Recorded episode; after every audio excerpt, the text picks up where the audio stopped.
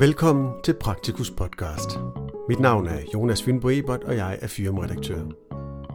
Denne podcast er en oplæsning af artiklen med titlen Et almen medicinsk konfliktfællesskab om sammenhænge mellem etik, fællesskab og praksis.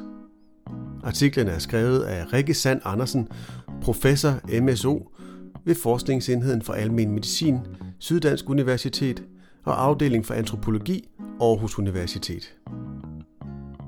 Artiklen kan læses i Praktikus nummer 254, der udkommer i marts 2021. Artiklens tekst starter her. Tilbage i oktober 2020 inviterede Praktikus' redaktion mig til at bidrage til et særnummer, der skulle handle om udviklingen af en professionsetik for almen medicin. På daværende tidspunkt havde jeg for mange andre deadlines, men redaktionen foreslog, at jeg skrev et bidrag til februarnummeret. Det betyder, at jeg i skrivende stund har haft mulighed for at læse det opdrag til en professionsetik, som Ehrenreich, Lenz og Sakstrup, parentes Praktikus 253 december 2020, parentes slut, har udarbejdet, samt andres refleksioner over og perspektiver på de værdier eller interesser, der har betydning for almen medicin i dag. Som antropolog har jeg i mange år haft en tæt tilknytning til det almen medicinske forskningsmiljø, hvor jeg har forsket i lægesøgning og kraftdiagnostik, samt almen praktiserende lægers, parentes AP-læger, og patienters erfaringer med almen praksis. I 2017 og 2018 interviewede jeg sammen med en kollega 30 AP-læger om deres syn på deres arbejde og hvad de mener er en god læge.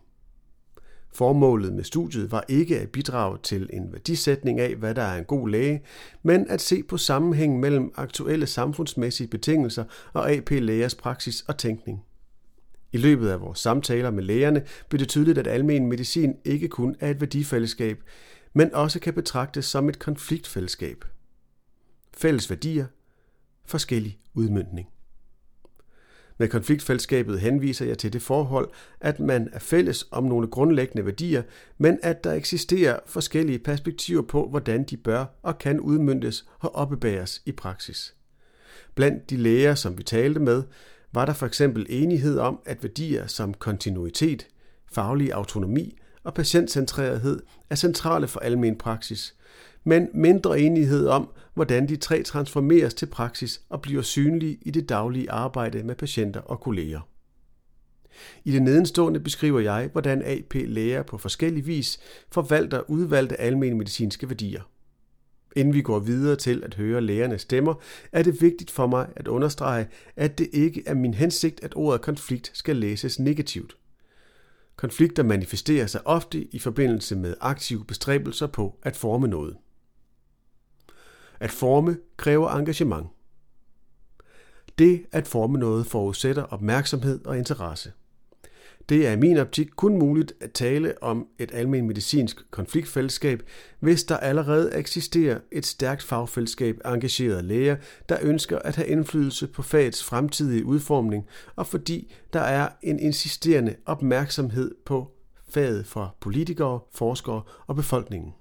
En opmærksomhed, der grunder i en generel antagelse om, at almen medicin og det forhold, at vi alle har adgang til det, vi kalder egen læge, er noget værdifuldt, som vi gerne vil bevare. Begrebet konfliktfællesskab handler således ikke om at afvise betydningen af fagfællesskaber eller udviklingen af en professionsetik.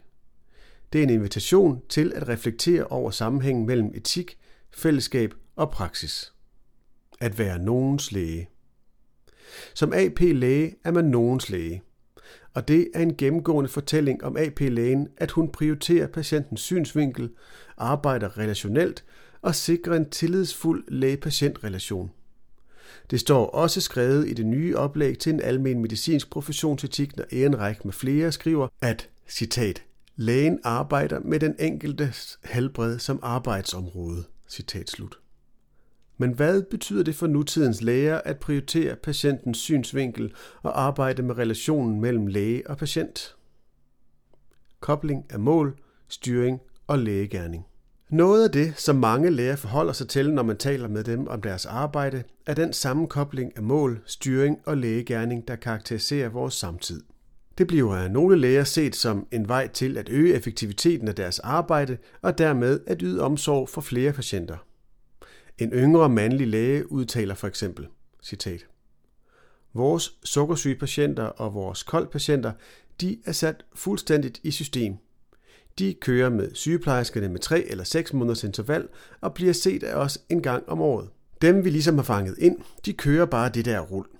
Det fungerer rigtig fint, og det gør, at vi har styr på vores kronikere. Citat slut. Andre læger betragter samme udvikling som en erodering af deres faglighed og de værdier, der styrer deres arbejde. Det kommer for eksempel til udtryk, når to forskellige kvindelige læger udtaler, citat, Vi har brug for mere samtale og opmærksomhed mod livets og menneskets forskellighed og uregerlighed og mindre lægehusfabrik. Citat slut fra kvindelig læge i 40'erne. Citat. Jeg har jo valgt at bo i samme by, som jeg har praksis.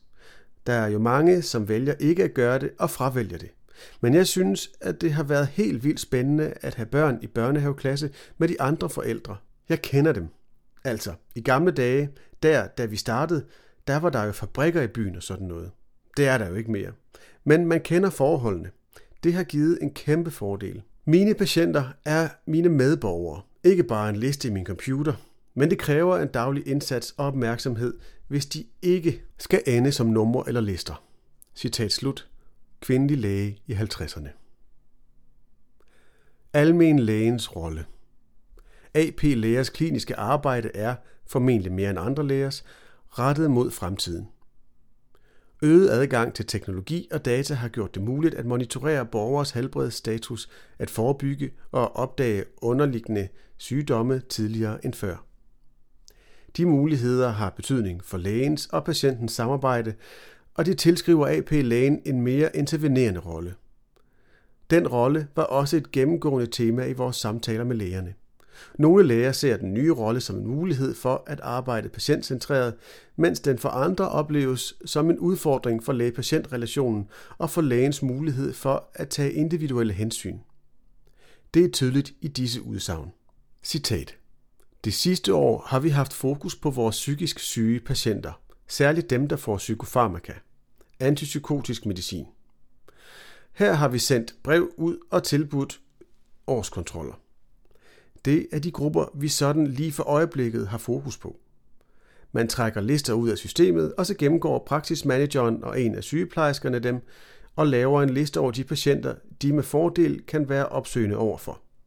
Så bliver patienterne ringet op, eller får et brev og indbudt til en konsultation i klinikken, der er tilpasset deres behov. Citat slut. Kvindelig læge i 40'erne. Citat. Vores faglighed går jo ud på at tage udgangspunkt i patienten. Patienterne kommer, fordi de er kommet over en eller anden form for tærskel og har brug for at gå til læge.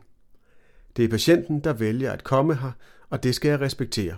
Og hvis så andre har bestemt, at vi skal screene dem for et eller andet, som måske slet ikke var det, de kom for. Hvis nu du har ondt i livet, så bliver du jo ikke frisk og glad over, at jeg begynder at snakke rygestop. Vores rolle, den er totalt presset af de her styringskrav og dokumentationskrav og alle de der meget firkantede Excel-ark. Citat slut. Mandlig læge i 50'erne. For nogle læger øger adgangen til teknologi og patientdata deres muligheder for at arbejde med patienters individuelle behov, mens det for andre læger betragtes som en uønsket form for paternalisme og overvågning. Etik og fællesskab i praksis.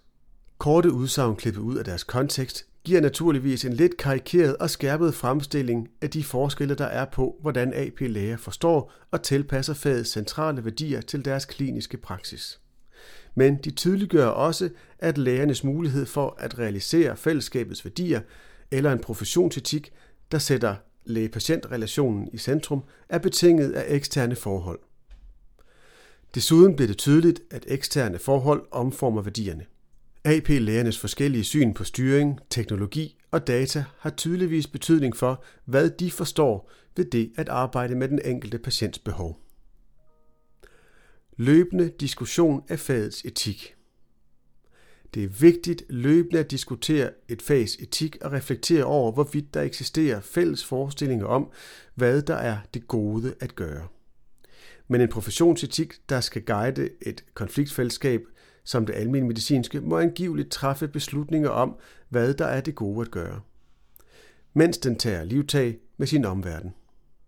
En professionsetik vil formentlig vinde større udbredelse, hvis den udvikles i dialog med nogle af de forskelle, der præger professionen og lærernes syn på, hvad der er en god læge. Det kunne være spørgsmål som, hvordan forholder man sig som fagfællesskab til en stadig øget adgang til diagnostiske teknologier? Hvordan ønsker man at samarbejde omkring patientdata med det resterende sundhedsvæsen? Og hvilke dele af livet bør transformeres til patientdata? Eller hvordan ønsker man, at læge-patientrelationen skal forme sig i fremtiden, hvor måske stadig flere patienter vil have behov for at komme til læge? Artiklens tekst slutter her. Artiklen kan som nævnt læses i praktikus nummer 254, der udkommer i marts 2021.